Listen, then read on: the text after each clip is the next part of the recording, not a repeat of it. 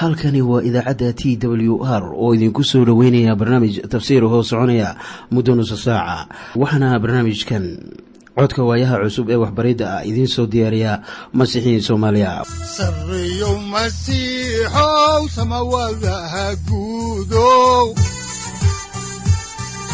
Siraadkii adduunkow subanaha eebow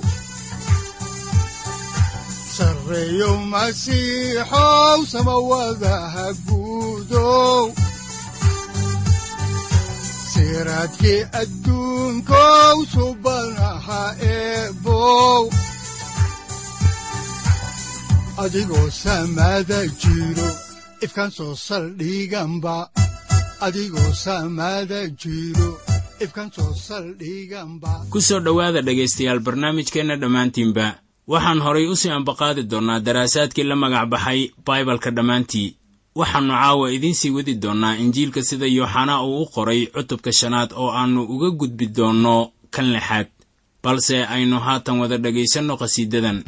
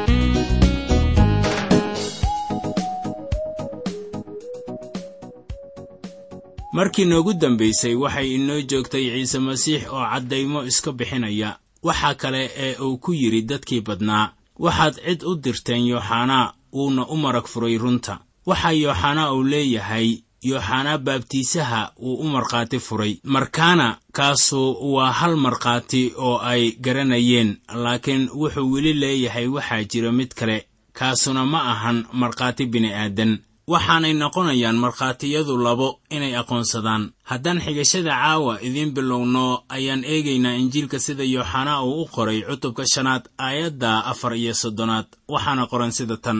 Aniguse xagga dadka maragka ma aan qaato laakiin waxyaalahan waxaan u idhaahdaa inaad badbaaddaan wuxuu haatan inoo sheegayaa inuu leeyahay markhaati sare oo aan ahayn bini'aadan. Welibana wuxuu u marag furay yooxanaa baabtiisaha wuxuu markaa yooxanaa ugu yeedhay iftiin laakiin ciise masiix waxa weeye nuurka dunida. Haddaan horay idinku sii wadno injiilka sida yooxanaa uu u qoray cutubka shanaad aayadaha shan iyo soddon ilaa lix iyo soddon ayaa waxaa qoran sida tan. Isagu wuxuu ahaa laambad baxaysa oo ifaysa. Idinkuna waxaad doonayseen inaad saacad ku faraxdaan nuurkiisa laakiin maraggaan leeyahay waa ka weyn yahay kii yooxanaa waayo shuqullada aabbuhu i siiyey inaan dhammeeyo waa kuwan. Hadda aan samaynayo wayna ii marag furayaan in aabbuhu uu i soo diray. Waxaan halkan ku arkaynaa warqadihii aqoonsiga ee sayid ciise masiix inay noqonayaan mucjisooyinka uu samaynayo. Fikradda maanta ee ah inay jiraan kuwo leh amar ama awoodda ciise ayaan anigu odhan lahaa waa caytan soo arki maysid mucjisooyinkan uu sameeyey ayaa ka markhaati kacaya in uu ahaa kan uu sheegtay inuu yahay.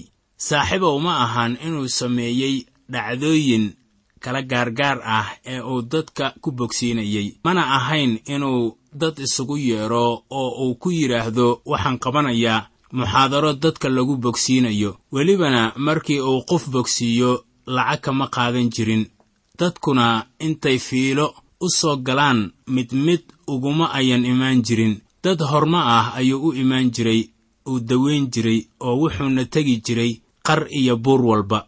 Marka uu socdo ayaa dadkuna ay islamarkaasi bogsan jireen waxaana taasi mare ka noqonaya qisooyinka yaabka leh ee injiilada ku qoran. Saaxib ma ahayn inuu daweeyey dad fara ku tiris ah ama boqolaal ah laakiin wuxuu daweeyey kumannaan iyo kumannaan mana ahayn wax gudcur lagu sameeyey mana jirin dad maalintaasi joogay oo ka hor yimid ama diiday oo lagu qoray injiilada ama kutub kale. Ugu dhowaan laba kun oo sannadood ayaa waxaa meel u jirtay halkii qisadu ay ka dhacday kumannaan meel laga sameeyey laibreriyo halkaasoo ay joogaan niman khubaro ah oo waxay leeyihiin innagu ma rumaysnin mucjisooyinkii uu ciise sameeyey. Laakiin taasi wax qiimi ah keeni mayso saaxib. Mucjisooyinkiisii ayaa isaga aqoonsi u ah. Howlihiisiina waxay ka markhaati kaceen inuu aabbuhu soo diray.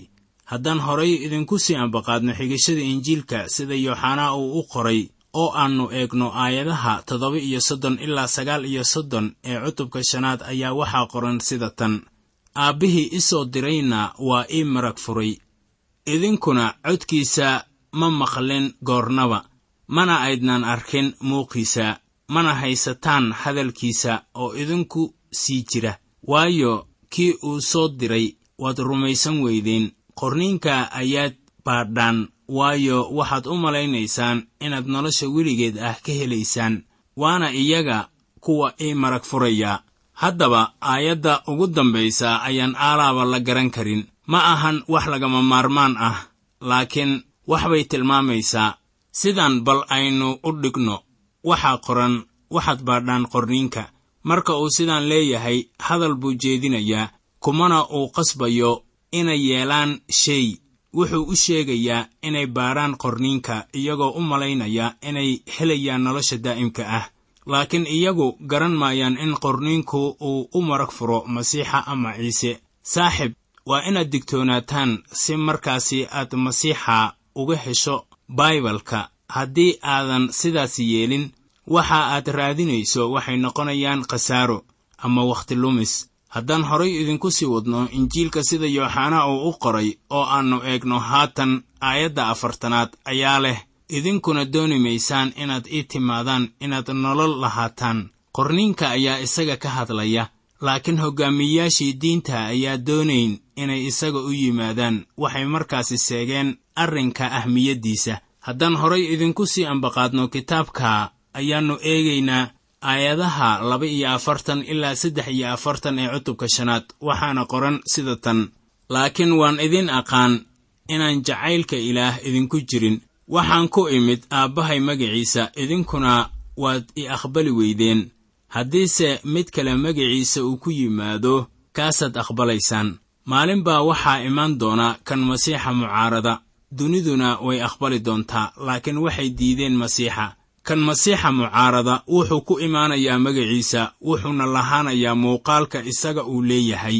Ama taallo wayna aqbali doonaan. Haddaan horay idinku sii wadno faallada kitaabka oo aan eegno aayadda afar iyo afartanaad ayaa waxaa qoran sida tan. Sidee baad u rumaysan kartaan idinkoo dhexdiinna ammaan iska aqbalaya oo aydnan doonayn ammaanta ka timaada ilaaha keligiis ah waxay haddaba dadkaasu ka fakaraan ammaanta dhexdooda ah. Haddaba in qof la ammaano weli waa wax bulshaweynta dunida aan laga waayaynin ha ku jireen kiniisadaha wanaagsane. Waxaa jira macallimiin doonaya in la ammaano oo midkood waliba wuxuu doonayaa in la boogaadiyo oo loo hambalyeeyo marka hore. Intaan laga hadlin runta hadallada ilaah masiixuna wuxuu leeyahay oo aydnan doonayn ammaanta ka timaada ilaaha keligiis ah. Haddaan horay idinku sii ambaqaadno kitaabka ayaannu eegaynaa injiilka sida yooxanaa uu u qoray cutubka shanaad aayadaha afartan iyo shan ilaa afartan iyo toddobo. Waxaa qoran sida tan ha u malaynina inaan aabbaha idinku ashtakaynayo. Kan idin ashtakaynaya waa muuse kii aad isku hallayseen waayo haddaad muuse rumaysateen anigana waa i rumaysan lahaydeen. Waayo wax buu iga qoray. Laakiin haddaydnaan rumaysan wuxuu qoray. Sidee baad u rumaysan doontaan hadalladayda? Haddaba saaxiib taasaa muhiim ah. Markaan dib ugu noqonno shanta kitaab ee muuse uu qoray ee aynu toddobaadyo ka hor kiisii afraad idiin soo gunaanadnay. Ayaad moodaysaa inaadan ku arkaynin sayid ciise masiix. Waxaanse rumaysanahay inuu ku qoran yahay baal waliba ee kutubtaasi. Wuxuu leeyahay muuse ayaa wax iga qoray. Waxaanan hubaa inuu ku qoran yahay baal waliba ee kitaabka quduuska ah. Bal waxaad eegtaa markii nin uu bilaabo inuu wax ka sheego kitaabka ahdigii hore sida uu u hadlayo kuwa sidaas yeelay waxay weerarayaan ciise masiix. Waxaan ka baqayaa inay jiraan kuwo badan oo su'aalo ka weydiinaya kitaabka ahdigii hore. Iyagoon garanaynin waxa ay samaynayaan. Waxaa jiray kuwo si aan xikmadaysnayn u yidhaahda ahdigii hore waa la nasahay bal waxaan doonayaa inaan hal aayad ka soo xigto kitaabka ahdigii hore. Waxaanad ii sheegtaa dhegayste haddii aayaddaasu ayaan weli dhaqangal ahayn iyo in kale. Waxaa ku qoran kitaabka zabuuradda cutubka afartan iyo lixaad aayadda koowaad sida tan. Ilaah waa magangalkeenna iyo xooggeenna oo waa caawimaad inoo diyaar ah wakhtiga dhibaatida. Miyaannu hadalkaasi ahayn mid ilaah xaggii ka yimid. Markii nebi daa'uud sidaas uu lahaa waa zabuurkaas uu tiriyeye wuxuuna yidhi wakhti aan dhowayn ilaah waa magangalkeenna iyo xooggeenna oo waa caawimaad inoo diyaar ah wakhtiga dhibaatida. Miyaa haddaba hadalkaasi daa'uud la nasahay? Bilxaqiiqa wax nasahaad la yidhaahdo ma jiraan laakiin hadalladii ilaah waa kuwa had iyo goorba cusub qarni waliba ee la joogo. Markaana saaxib ahdigii hore waa aasaas aan la nuuxin karin. Sayidkeennuna wuxuu leeyahay laakiin haddaydnaan rumaysan wuxuu qoray. Sidee baad u rumaysan doontaan hadalladayda waxaan ku leeyahay wixii nebi muuse uu qoray iyo injiilka sinaba u kala hari maayaan.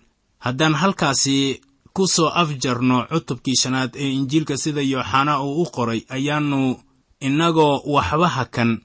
Idiin bilaabaynaa cutubka lixaad ee injiilka sida yooxanaa uu u qoray ah.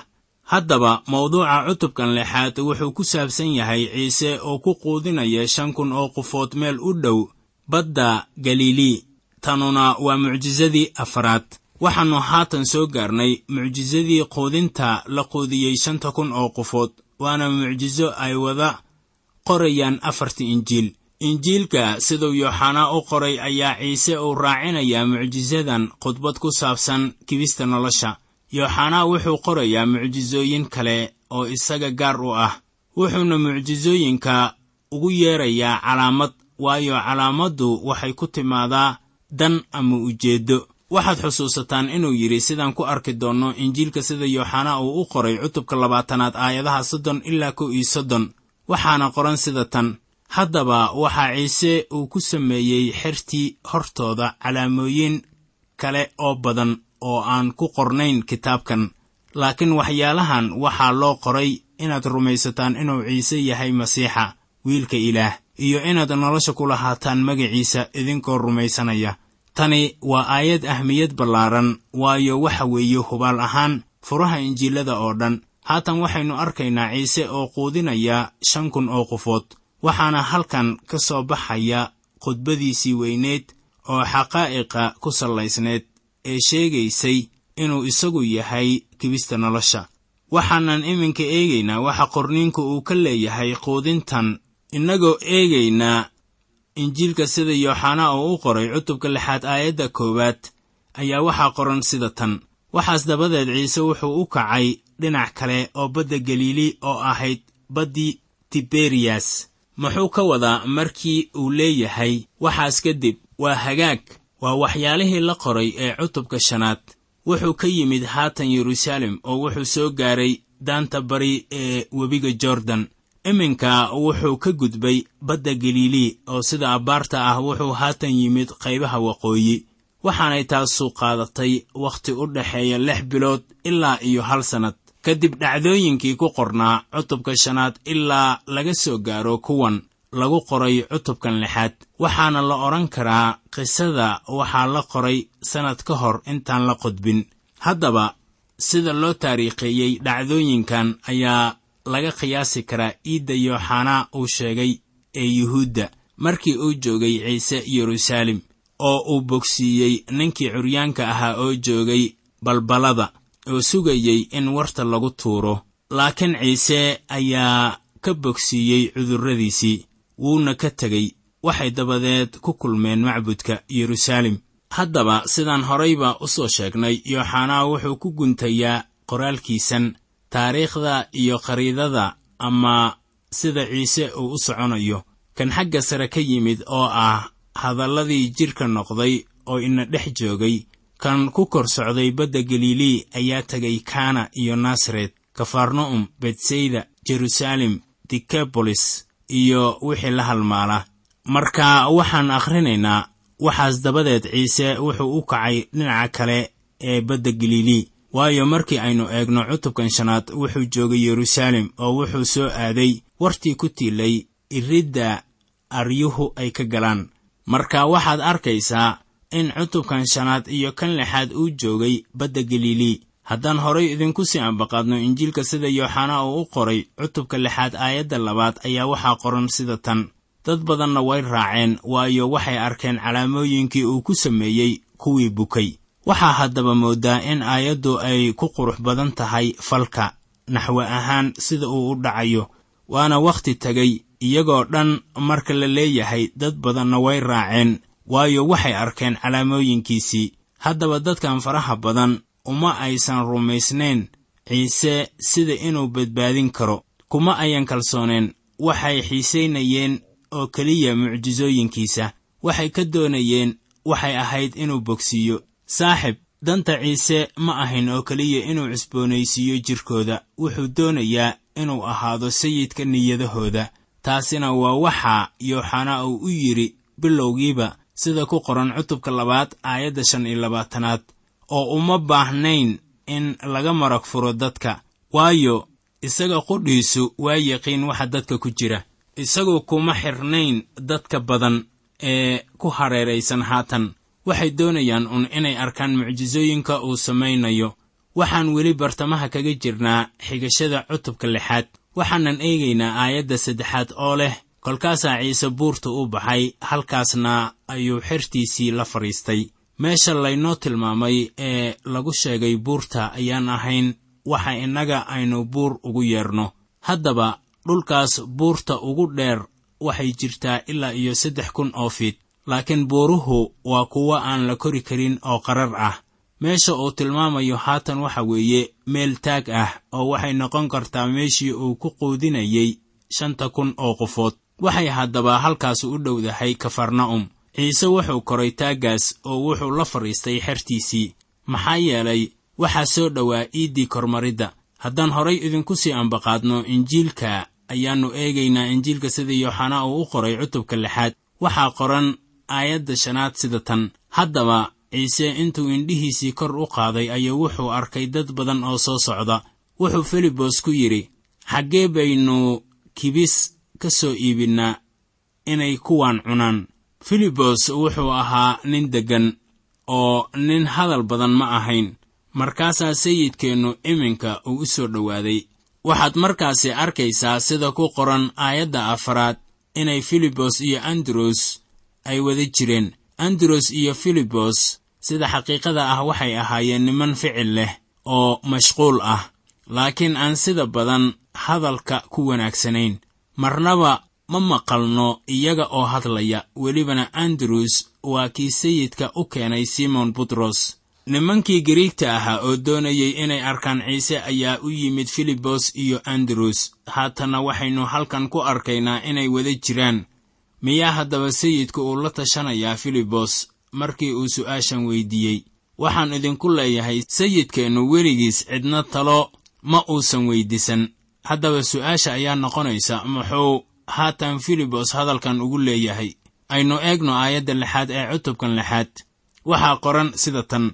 Wuxuu waxaasi ugu yidhi inuu jirrabo isaga waayo isaga qudhiisu waa ogaa wuxuu samayn lahaa wuxuu haatan tijaabinayaa filibos. Filibosna wuxuu eegay dadkii badnaa oo soo socda waxaanay ahaayeen shan kun oo qof marka carruurta iyo haweenka aan lagu tirinin. Waxaan ku qiyaasi karaa inay dhammaayeen ilaa iyo shan iyo toban kun oo ruux.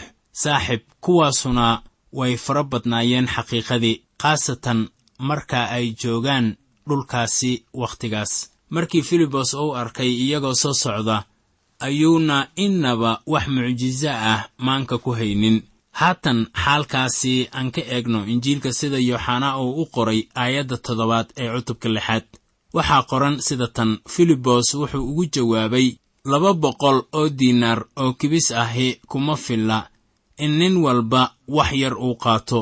Muxuu haddaba filibos uga fakarayaa lacagta ku baxaysa raashinka la siin karo dadka waxaan u malaynayaa in lacagtaasu ay ahayd inta ay haystaan. Sida abbaarta ah yuudas ayaa soo bandhigay lacagta ay haystaan subaxda oo intaasi bay ahayd. Filibos wuxuu eegay dadkii badnaa wuxuuna ka fakaray inta ugu jirta kiishadooda wuxuuna yidhi xitaa haddii aynu laba boqol oo diinaar ku soo iibinno rooti ama kibis ayaannu weliba gaaraynin dadkan. Haddaba lacagta sanuudda ah ee reer rooma ayaa halkii diinaar uu noqonayaa sida hal shilin wuxuuna kaafinayaa mushaaradda ninka shaqaalaha ah. Injiilada kale ayaa inoo sheegaya in xertu ay tale u soo jeediyeen sayid ciise. Waxay doonayeen inay noqdaan qolo tala ka bixiya dhibaatooyinka yimaada. Waxay yidhaahdeen sida ku qoran injiilka sida luukas uu u qoray cutubka sagaalaad aayadaha laba iyo toban ilaa shan iyo toban oo leh goortii maalintii dhammaanaysay laba iyo tobankii ayaa yimid iyagoo ku leh dadka badan dir si ay u tagaan tuulooyinka iyo beeraha ku wareegsan oo ay ugu hoydaan oy cunno uga helaan halkaasi. Waayo meeshan cidlada ah ayaynu joognaa. Wuxuuse ku yidhi idinku siiya waxay cunaan.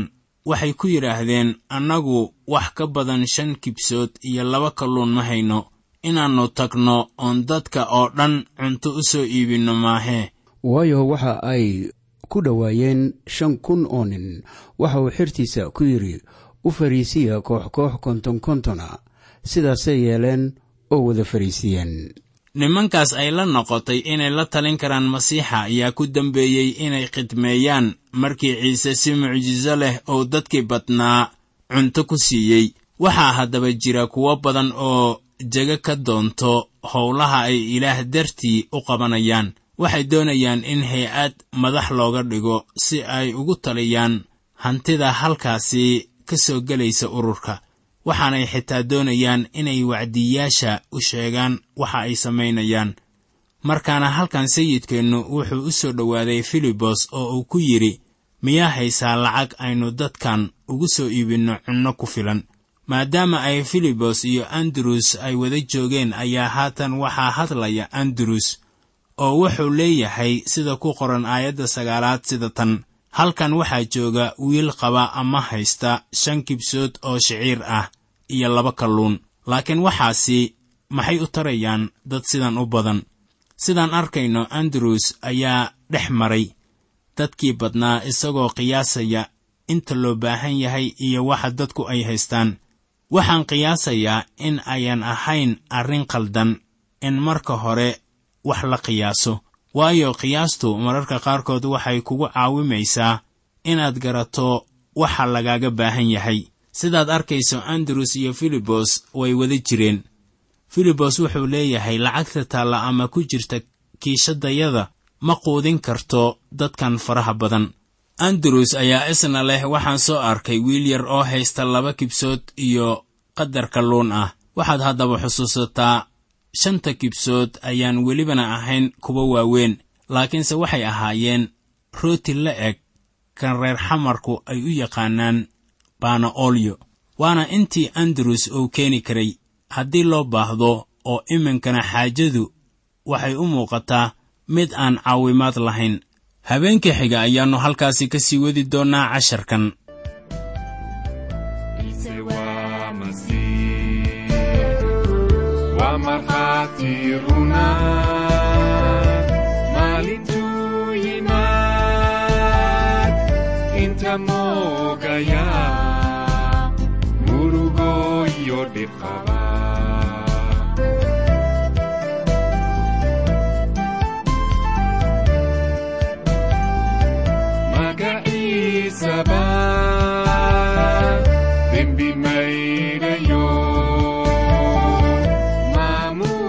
maamuus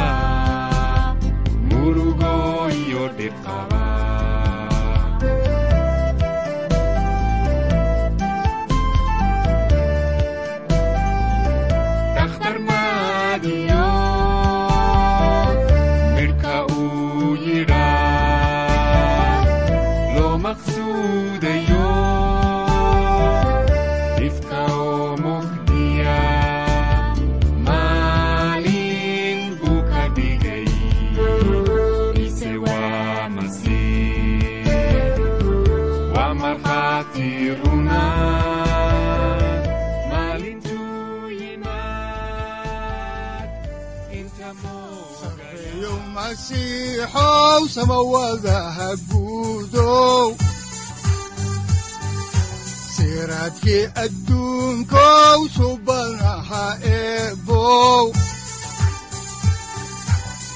adigoo samada jiro ifkan soo saldhiganba adigoo samada jiro ifkan soo saldhiganba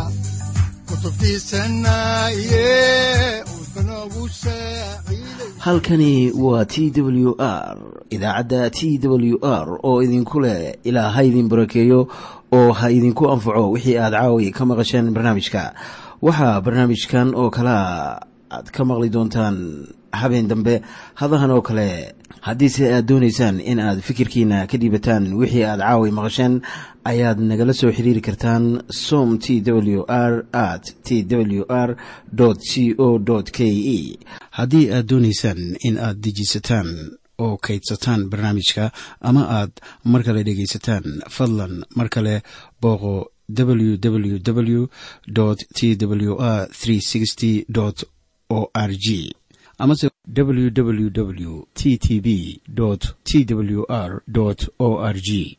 Amase waxaad teleefoonkaaga ku kaydsataa ama ku download garaysataa agabyada ku sahli karaa dhegeysiga t w r haddii aad doonayso in laga kaalmeeyo dhinacyada fahamka kitaabka amase aad u baahan tahay duco fadlan fariimahaaga soo mari bogga aaraahda ama kommentska inana jawaab degdeg ah ayaanu ku soo diri doonaa amase ku siin doonaaye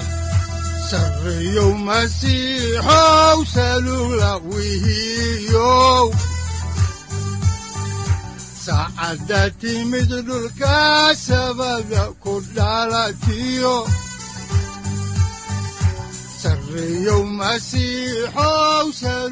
halkani waa t w r oo idiin rajaynaya habeen baraare iyo barwaaqaba leh. Inta aynu ka gaari doono wakhti aynu ku kulanno barnaamij la mida kan caawayay aad maqasheen. Waxa aan idinku leeyahay nabadda ciise masiix ha idinku badato xagga jidhka iyo ruuxaba. Aamiin